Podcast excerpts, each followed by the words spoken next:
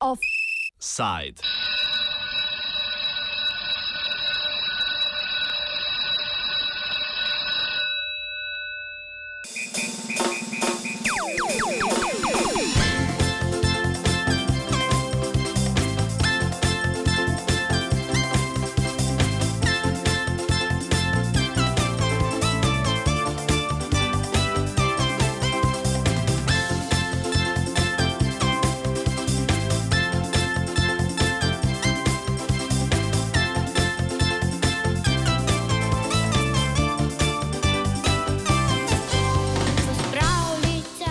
Povezani v Maurici različnosti.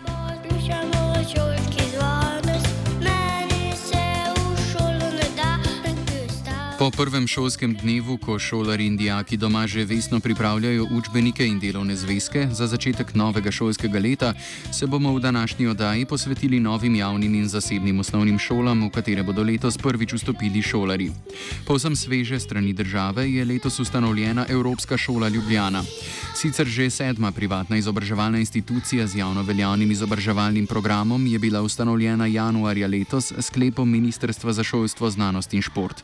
Po posebnem programu bo izvajala osnovnošolsko in splošno srednješolsko izobraževanje v skladu s programom evropskih šol, pojasni ravnateljica Darinka Cankar. Kar obstajajo inštitucije Evropske skupnosti, razno razne, mislim, tako kot je Evropski parlament, Evropska komisija, potem so različne agencije. Eh, Svet Evrope in tako naprej, so imeli zaposleni po teh inštitucijah težave s šolanjem svojih otrok. Namreč nacionalne države izvajajo šolanje v nacionalnih jezikih, praviloma, s tem, da se učne črti um, držav med sabo relativno precej razlikujejo.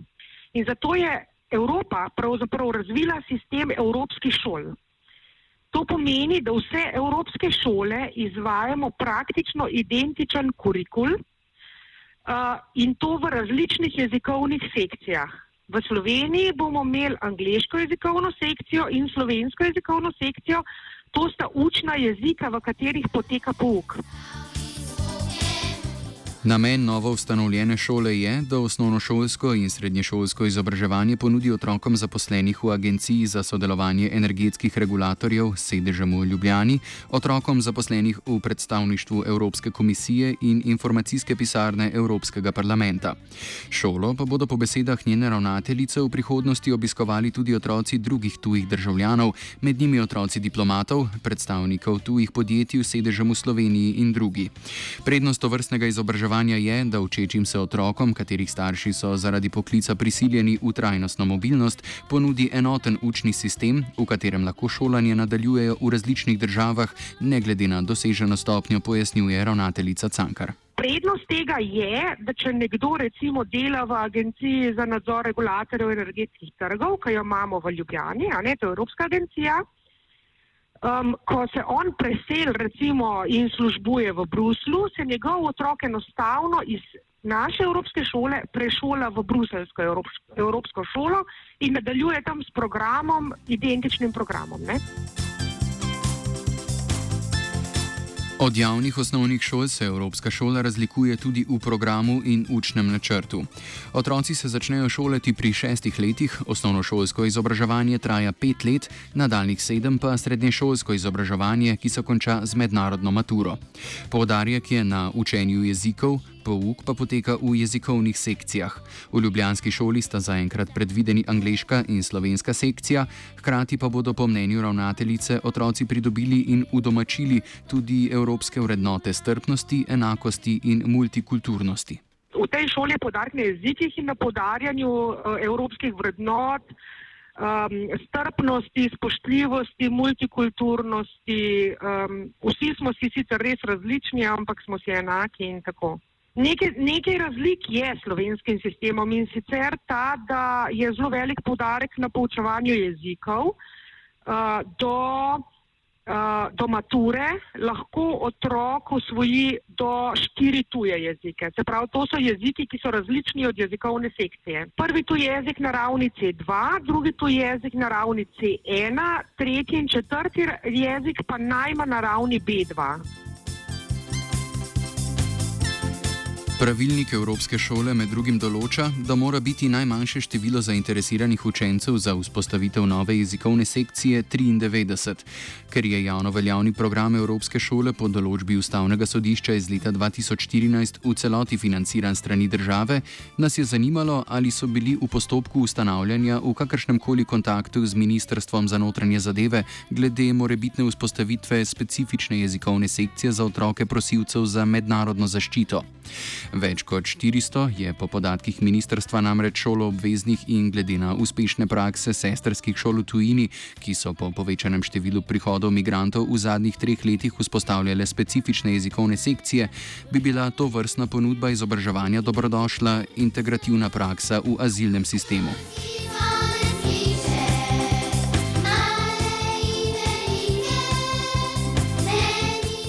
Zaenkrat se to še ni zgodilo, ker je program Evropske šole nadstandarden.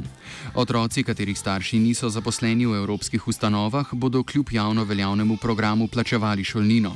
Kolikšna bo nam ravnateljica ni mogla razkriti, finančni načrt še ni pripravljen. Zaenkrat bodo plačila šolnine upravičeni samo otroci osebja Evropske agencije za sodelovanje energetskih regulatorjev, ki jih je okoli 160. Prav njim je v prvi vrsti namenjena ta šola. Zdaj, kar se tiče pa naše šole, pa ja, mi bomo dobivali popolnoma enak delež sofinanciranja. Kot katera koli druga javna osnovna šola, mi namreč smo javna šola, ustanovila nas je država. Ne?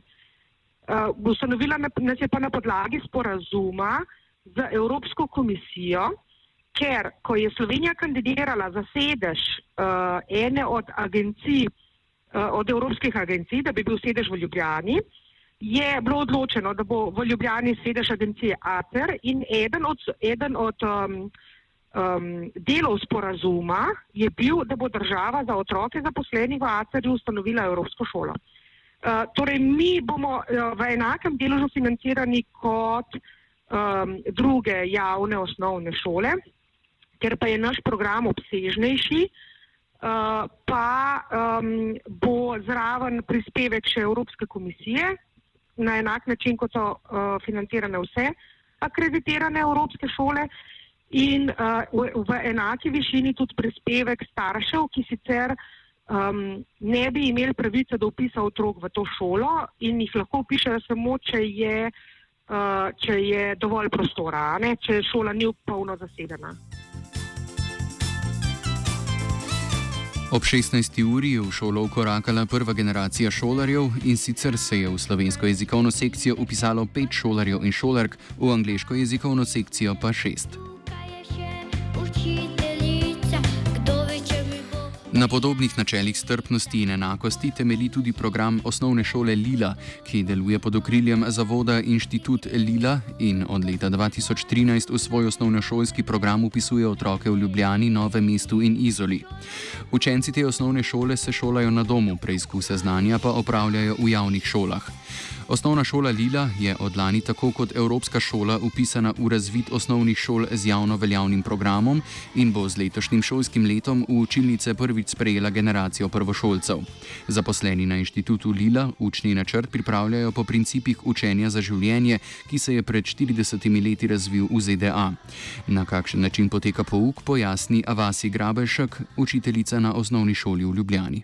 Uh, na način, da je izkusten, Se pravi, da vedno otroci uh, doživijo najprej izkustvo z učno snovjo, šele potem sledi zapis in iskanje ostalih virov. In eden od teh virov je tudi učbenik in delovni izdelek. Sama vzgoja za življenje po sebi nosi seveda še mnogo tega, kakšen pa je pristop učitelja do učencev pri tem in sicer, da je enakovreden. To pomeni, da tudi učenci kličejo učitelje po imenih, vendar spoštljivo in ko pride do nečastnosti, se tudi temu posvetimo in tudi pojasnimo otroku in mu um, razložimo, kako v življenju to je in zakaj je to tako.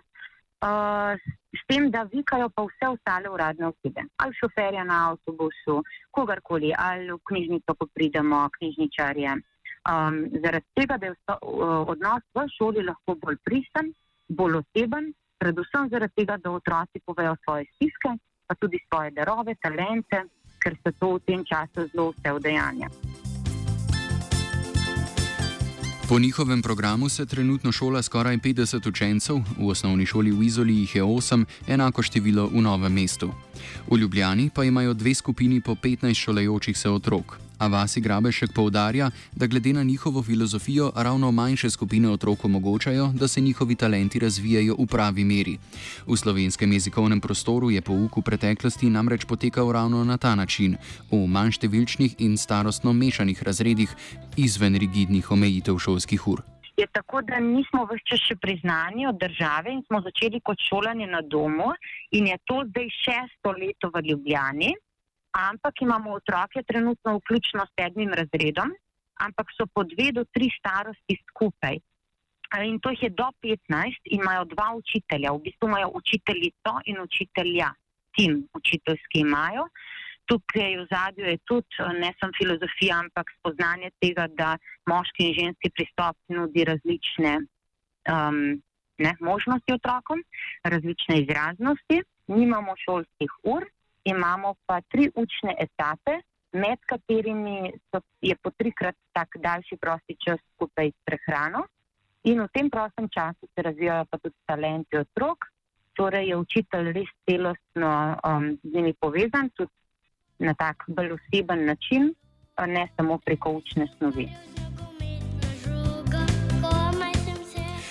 Sogovornica povdarja, da tudi javno šolstvo sledi podobnim principom dela, vendar meni, da so učni načrti pogosto prezahtevni, število učencev na enega učitelja preveliko, kar lahko privede do težav pri učnem uspehu.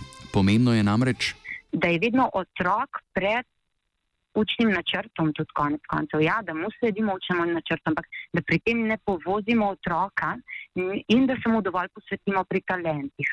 Uh, in zdaj Montessori in druge veje stremijo k temu, in tudi javna šola, in tudi založbe javnih gradiv šolskih in strokovni sveti, ki to potrjujejo. Vprašanje pa je, koliko so te, ki to potrjujejo in izvajajo, učitelji in pa drugi strokovnjaki, koliko so povezani s prakso to prakso otrok dejansko, koliko še učijo te ljudje, bom tako direkt povedala, koliko so v dnevnem stiku z otroki in to pri državnem normativu, ki je 28 plus 2 na enega učitelja. Koliko je to možno potem še slediti otroku? Za nadstandardne izobraževalne storitve osnovne šole inštituta Lila starši mesečno odplačajo med 300 in 400 evrov. Kljub razmeroma visoki ceni nadstandardnih storitev, Grabešek meni, da so te upravičene in upa, da bo vizija inštituta Lila v prihodnosti postala ustaljena praksa tudi v javnem osnovnošolskem izobraževanju. Moja vizija je osebna, da mi nismo privat šole. Moja vizija je, da to pride v javno šolstvo. In letos je vzgoja za življenje že uspela priti v KATIS, v državni katalog, ki ga Ministrstvo za šolstvo izda za vse javne učitelje in javne vzgojitelje, da se lahko udeležijo naših vsebin. Zdaj, koliko bo pa z ministrstvom, koliko bomo uspeli skupaj zgraditi zaupanja um, za prenovo javnega šolstva, pa bo pokazal čas. Ob vseh teh novostih za konec prisluhnimo še, kako sta prvi šolski dan doživela samo in Bine, učenca šestega in tretjega razreda osnovne šole Toneta Čufarja v Ljubljani. V katerem razredu si ti? V šestem. Uh mhm. -huh. In kakšen je bil eh, prvi šolski dan, kaj te čaka zdaj v tem eh, šolskem letu? Um, Veliko snovi, ocene, menjava učiteljev, um, zabava, druženje s šolci. Pa ti je všeč ta sistem, da, da, si, da si ocenjen, da imaš ocene? Ali, ali, ali bi imel kakšen? Ja, je, v redu je. Uh mhm. -huh. Kakšen je bil pa tvoj prvi šolski dan? Uh, v redu. Kaj pa ste počeli? Uh, v bistvu smo se večino sam pogovarjali uh -huh. o pravilih šolskih, pa o, o cenah. Kaj pa je tvoja najljubša stvar v šoli, katere stvari pa najbolj ne maraš? Uh, moja najljubša stvar je, so ocene, ne maram pa um, uh, splošnega pouka za mizo. Kaže, da so ocene na vse zadnje še vedno kul, cool, ugotavlja Dubi.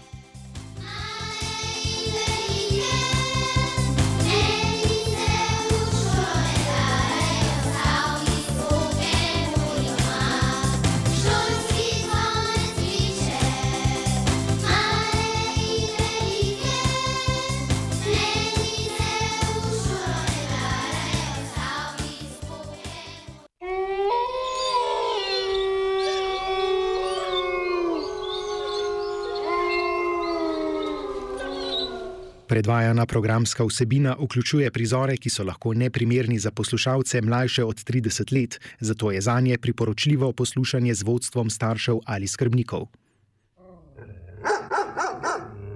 Še rajši pa sploh ne. Za otroke gre